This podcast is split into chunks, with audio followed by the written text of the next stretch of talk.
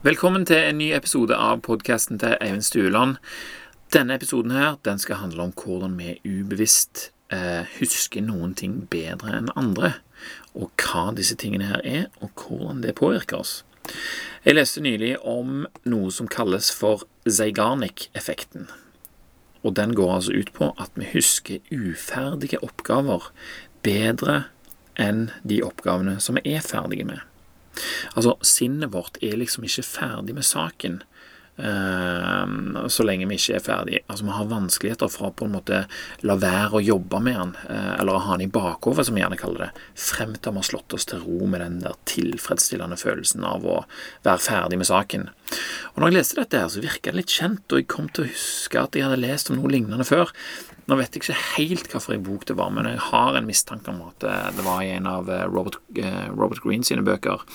Men jeg husker eksempelet som ble brukt for å beskrive det, og det kan òg være at dette hadde noe med Zeigarnik eller uh, noen av de folka der å gjøre. Jeg husker iallfall at det var i, i, Tyskland at det var et sånn lystig lag i en såkalt bear garden, jeg vet ikke hva det heter på norsk, jeg. Men i alle fall så lot eh, klientellet her seg imponere av servitørenes nesten ufattelige evne til å servere et helt bord med massevis av folk. Mat og drikke og individuelle preferanser.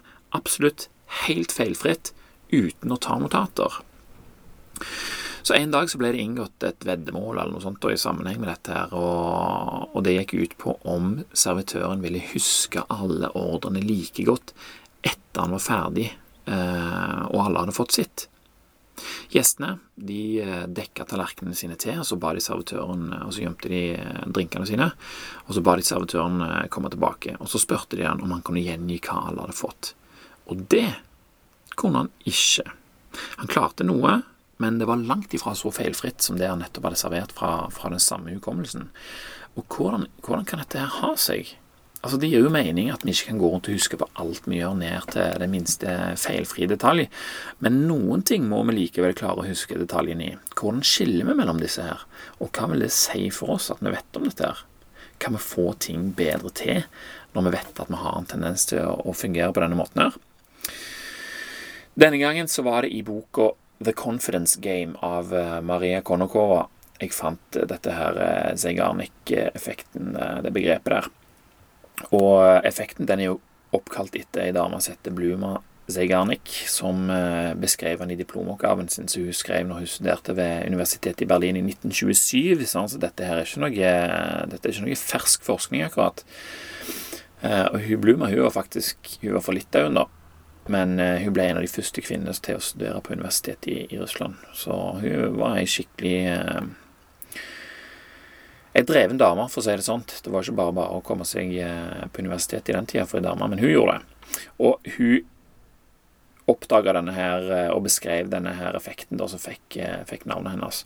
Og i den boka, The Confidence Game, altså den handler om hvordan vi mennesker lar oss lure og hvordan noen mennesker blir eksperter på å lure andre. Altså Noen blir så gode til det at eh, Og de kjenner liksom etter hvert disse her menneskelige tendensene våre, sånn som f.eks. denne Zeigarnik-effekten, så godt at de liksom klarer knapt, eller klarer ikke i det hele tatt, å la være å lure andre da, til, til, sin fordel. Det er ikke sikkert at de har lest seg opp om denne her effekten, men, eh, men eh, gjennom et liv med Eh, massevis av svindling og luring, så, så, er det på en måte blitt en, en egenskap de har nå. bare ja, De kan bare begynne å snakke med noen, liksom, og så skjønner de med en gang hvordan de skal tvinne det rundt lillefingeren og, og, få dem til å gjøre det som de, de, vil.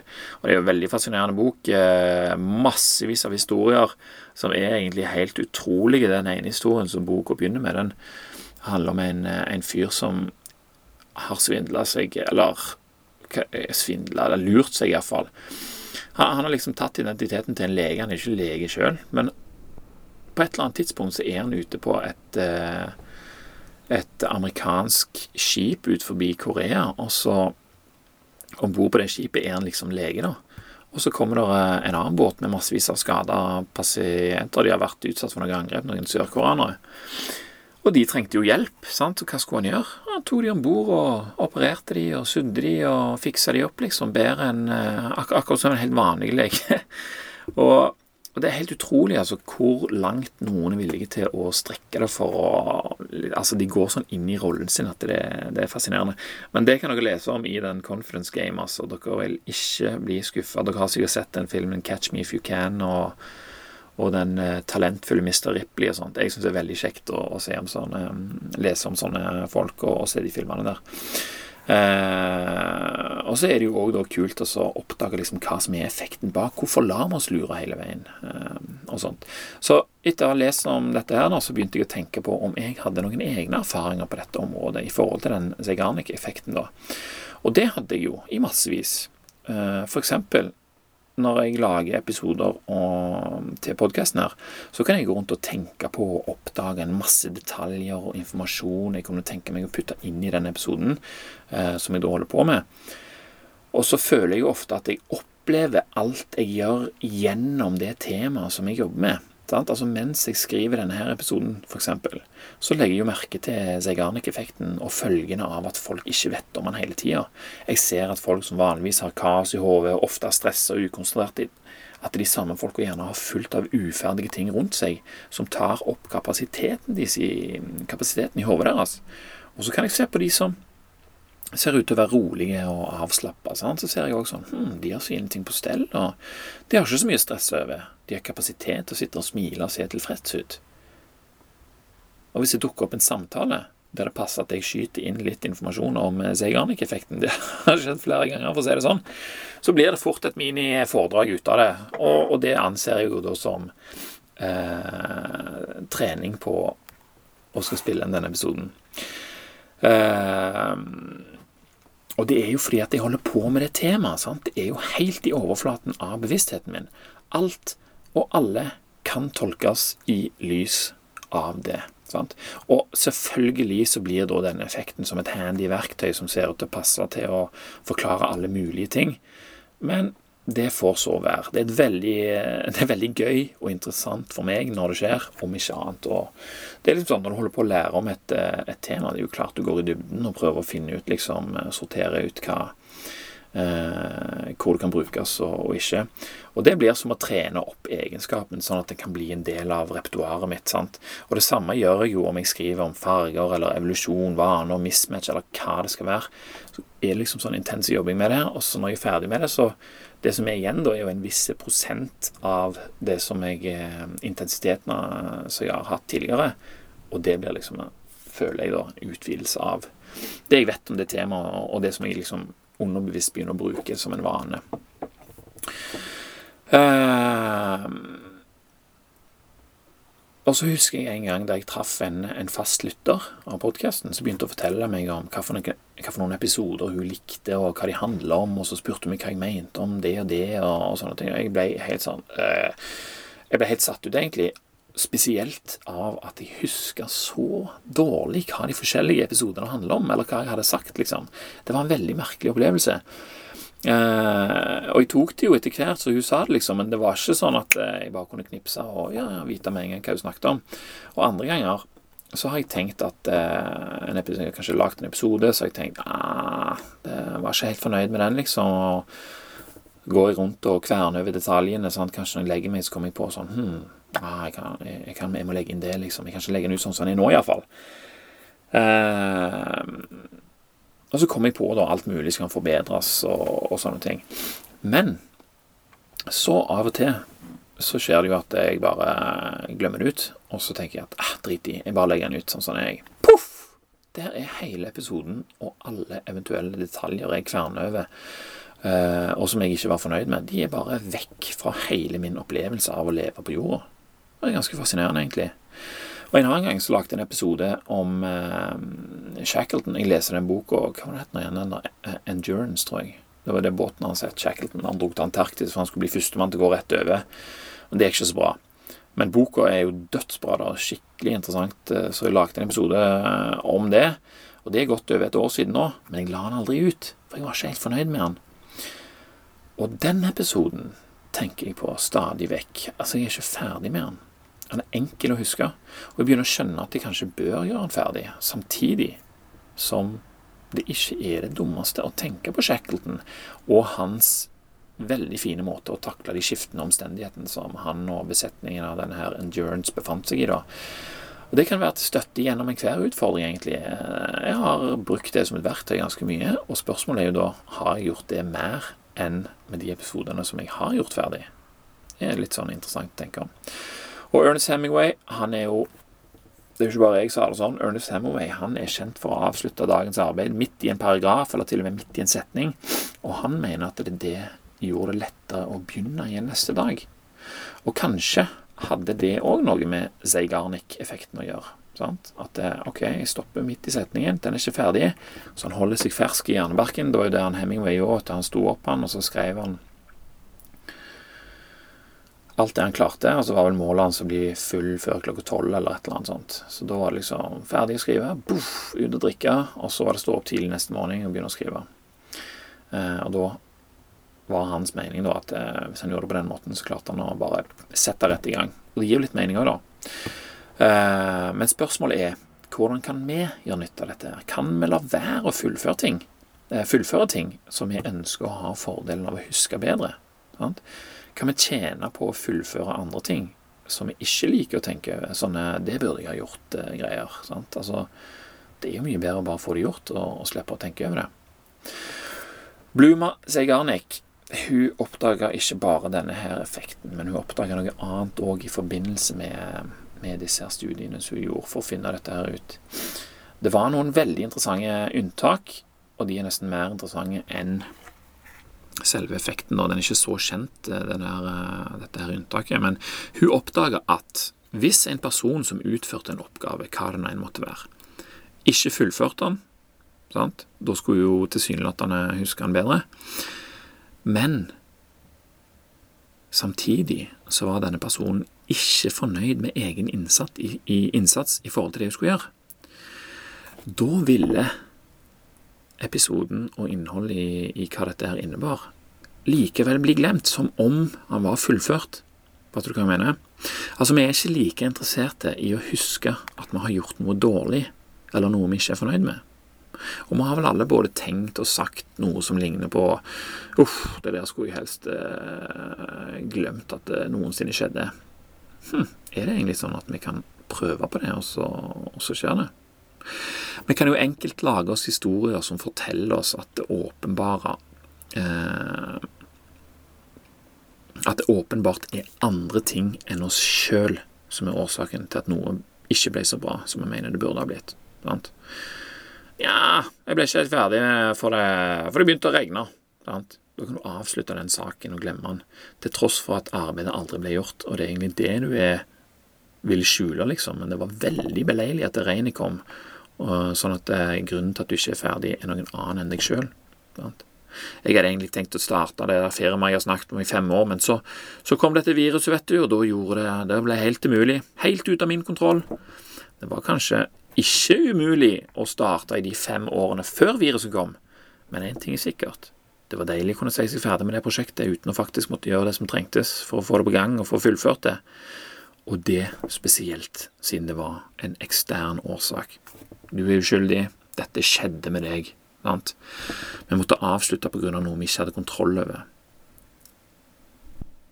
Og hvis en er virkelig god, så kan en jo slenge på en liten sånn offerrolle som en ekstra krydder i denne her overbevisningen.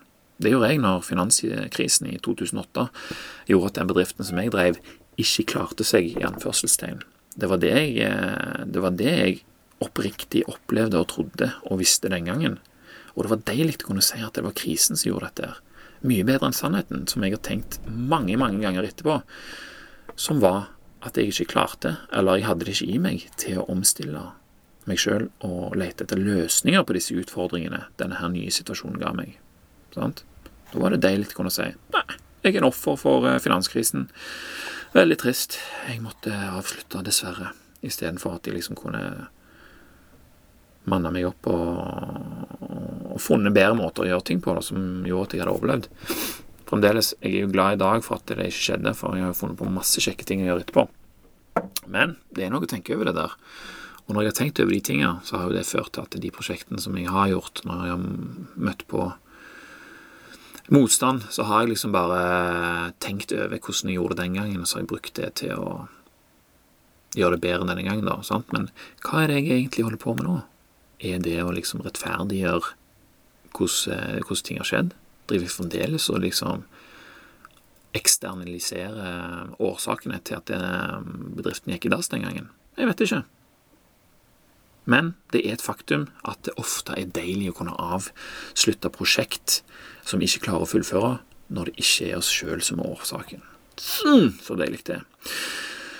Og så, nå skal vi høre, for å finne ut om dette her var tilfellet, at, at avbrutte prosjekt som tilsier personlig svikt, er noe vi ikke liker å huske, eller at vi liker å endre årsaken til at det skjer. Så ble det satt opp et eksperiment av en kar som heter Saul Rosenzweig. Og dette var i 1943. Fremdeles ikke rykende fersk forskning, dette her. Men det var iallfall en gjeng med tilfeldige studenter som ble rekruttert for å pusle sammen en haug med puslespill. Vanlige bilder som båt og et hus eller noe frukt osv. Og, og uten at de visste det, så fikk de bare gjøre halvparten av puslespillene ferdige, mens den andre halvparten ble avbrutt før de var ferdige. Og Det ble ikke sagt noe om dette hadde med hvor fort eller hvor bra puslespillinga ble gjennomført, liksom. Bare at de ikke trengte å gjøre de ferdige. De som, når det ble avbrutt, ja, trenger ikke gjøre det ferdig. Ikke tenk på det. Så ble de på forhånd fortalt at de heller ikke trengte å gjøre det så raskt de kunne, eller gjøre sitt beste. De skulle bare pusle på til de enten var ferdige, eller til de ble avbrutt. Mens i den andre gruppa, der var ting litt annerledes. Der ble hver deltaker personlig og høytidelig invitert til å delta av en liksom, viktig person. Og så ble puslespillene de ble presentert som en intelligenstest. Og deltakerne ble fortalt at resultatene de ville bli sammenligna med alle de andre som deltok i denne her eh, forsøket eller studien. Og så ble det også fortalt at hvert komplette puslespill det teller like mye i totalen, men det var forskjellige vanskelighetsgrader involvert her, og det var tildelt forskjellige tidsrammer basert på vanskelighetsgraden. Sant? Altså, et puslespill fikk du kanskje fem minutter på, et ti minutter på, det visste du ikke. Men der òg ble det sånn, det var helt vilkårlig, men noen, noen puslespill fikk de gjort ferdig, og andre ble det da avbrutt. Uh, ja, sånn, så De ble jo fortalt at uh, når tida gikk ut, så ville de bli avbrutt. Og det betydde jo at de ikke hadde klart det. Sant? Arbeidet vil tolkes som om man representerer dine beste evner, så gjør ditt beste, fikk de beskjed om. Og etter det siste puslespillet var ferdig for hver, eh, hver gruppe, så ble hver student bedt om å huske så mange puslespill de klarte, da, både ferdige og uferdige. Og Saul Rosens, Rosensveig han sammenligna listene og fant akkurat det han hadde sett for seg at han kom til å finne. I den første gruppa viste alle til Zeigarnik-effekten. De huska best de puslespillene som de ikke fikk fullføre. Mens i den andre gruppa, der var tilstanden det motsatte. Der huska vi best de puslespillene som ble fullført. For de var jo tross alt et bevis på deres intelligens og beste evne. Sant? Mens de uferdige puslespillene, de representerte noe uønskelig. Manglende evne til å fullføre innenfor den tildelte tiden. Altså, det ble jo assosiert med med noe negativt. Det aller kjekkest er å sitte igjen med det som speiler ens egen fortreffelighet. Det vet vi jo alle sammen. Rosensveig han konkluderte med at disse to eksperimentene på en måte representerte for forskjellen mellom begeistring av å jobbe med noe. Sant? Altså Du holder på med et puslespill, og så er du midt inni det og blir avbrutt. Sant? Mens den andre, der var det liksom Du holder på med et puslespill, du prøver å gjøre det så fort som mulig før tida går ut, og når du har klart det, så, mm, så, blir du stolt over det du har klart, liksom. Og se her, jeg klarte puslespillet. Se en drueklase, liksom. Uh, så det var altså liksom begeistring i den første, og stolthet som, uh, som jo representerte deltakernes beste evne, som gjorde at de ble huska best i den andre gruppa. Uh, det er jo ikke sånn at de hadde glemt absolutt alt, men tendensen var at de huska bedre Eh, de uferdige i den første, og bedre de ferdige i den andre. Eh, og det er jo vel så bra for, for selvfølelsen, det, men det kommer jo en gigantisk bakside med den tendensen her. Altså, vi ender gjerne med å omskrive fortida på en måte som gjør oss i dårligere stand til å lære fra det vi gjorde. Sant? Altså, vi lærer at det er viruset som ødelegger for oss, ikke vår egen manglende evne til å iverksette. Det er været som bremser oss, det er en økonomisk krise, og hvilken som helst tilfeldighet som vi er like bedre å skylde på enn våre egne godt kamuflerte feil og mangler. Sant? Og det er her dette her kobles sammen med, med svindleri, da. For det viser seg at de som allerede har blitt utsatt for svindel og lureri, ofte er de som er enklest å lure igjen. Altså, de har overbevist seg sjøl om at de ikke ble svindla. Og dermed er de latente til å gå på den samme limpinnen igjen. fordi hvis de, hvis de, lager en annen historie enn det som faktisk skjedde, så har de jo ikke lært av det de ble utsatt for. Sant? Så lenge jeg fortsatte å snakke om eh, at det var finanskrisen som gjorde at eh, bedriften eh, gikk som den gikk, så var jeg ikke i stand til å endre meg sjøl og, og, klare å gjøre det bedre neste gang. Da hadde jeg bare kanskje starta en annen bedrift, og så nå når viruset kom, så bare der skjedde det igjen, gitt. Akkurat som sist. Dette her er dårlig Altså, det, dette her representerer viser rett og slett at jeg har dårlig flaks. sånn, kan det, sånn, kan det, gå. Eh, og hvis vi da går rundt og tror at vi aldri blir lurt, så er det lett å tenke at vi, at vi ikke er lettlurte. Sant? Og den selvsikkerheten der, den bidrar jo da, ironisk nok, til å gjøre oss mer lettlurte. På et tidspunkt så ble jo ei liste over 160 000 briter som tidligere var blitt svindla, solgt til diverse interesserte, på, sikkert på dark web og, og sånne ting. Altså, tenk deg en sånn liste hvis du er en svindler. En såkalt suckers list. Eh, for svindlere så er den lista her mye mer verdifull enn en liste over folk som aldri har blitt svindla. Det er ikke sånn at 'å, de har blitt svindla, så de kan vi ikke bruke mer'. Det er motsatt. Og når politiet fant ut av denne her lista og avdekka dette her, og begynte å ringe rundt og advare og informere folk på denne her lista, så, så, var det veldig få av de som i det hele tatt visste at de hadde blitt svindla, eller i det hele, ville innrømme det. Og mange nekta plent at de noensinne var utsatt for svindel i det hele tatt. Og det er jo på grunn av historien vi forteller oss sjøl, eh, og den er ganske overbevisende. Det er den som er mest behagelig å leve med. Det blir som oppfattelsen til 93% av amerikanere at de er bedre bak rattet enn gjennomsnittet. Det er deres oppfatning. Vi liker å plassere oss sjøl i den positive delen av en skala, og når det kommer til om vi har blitt svindla eller ei. Det sier seg sjøl. Altså Hvis noen hadde spurt meg er du, er du bedre enn gjennomsnittet som kjører, jeg hadde svart ja, garantert. Hadde noen spurt meg er du en sånn typisk person som uh, blir svindla, jeg hadde garantert sagt nei, nei, nei, jeg er ikke det. Uh, men jeg har jo blitt svindla, sant.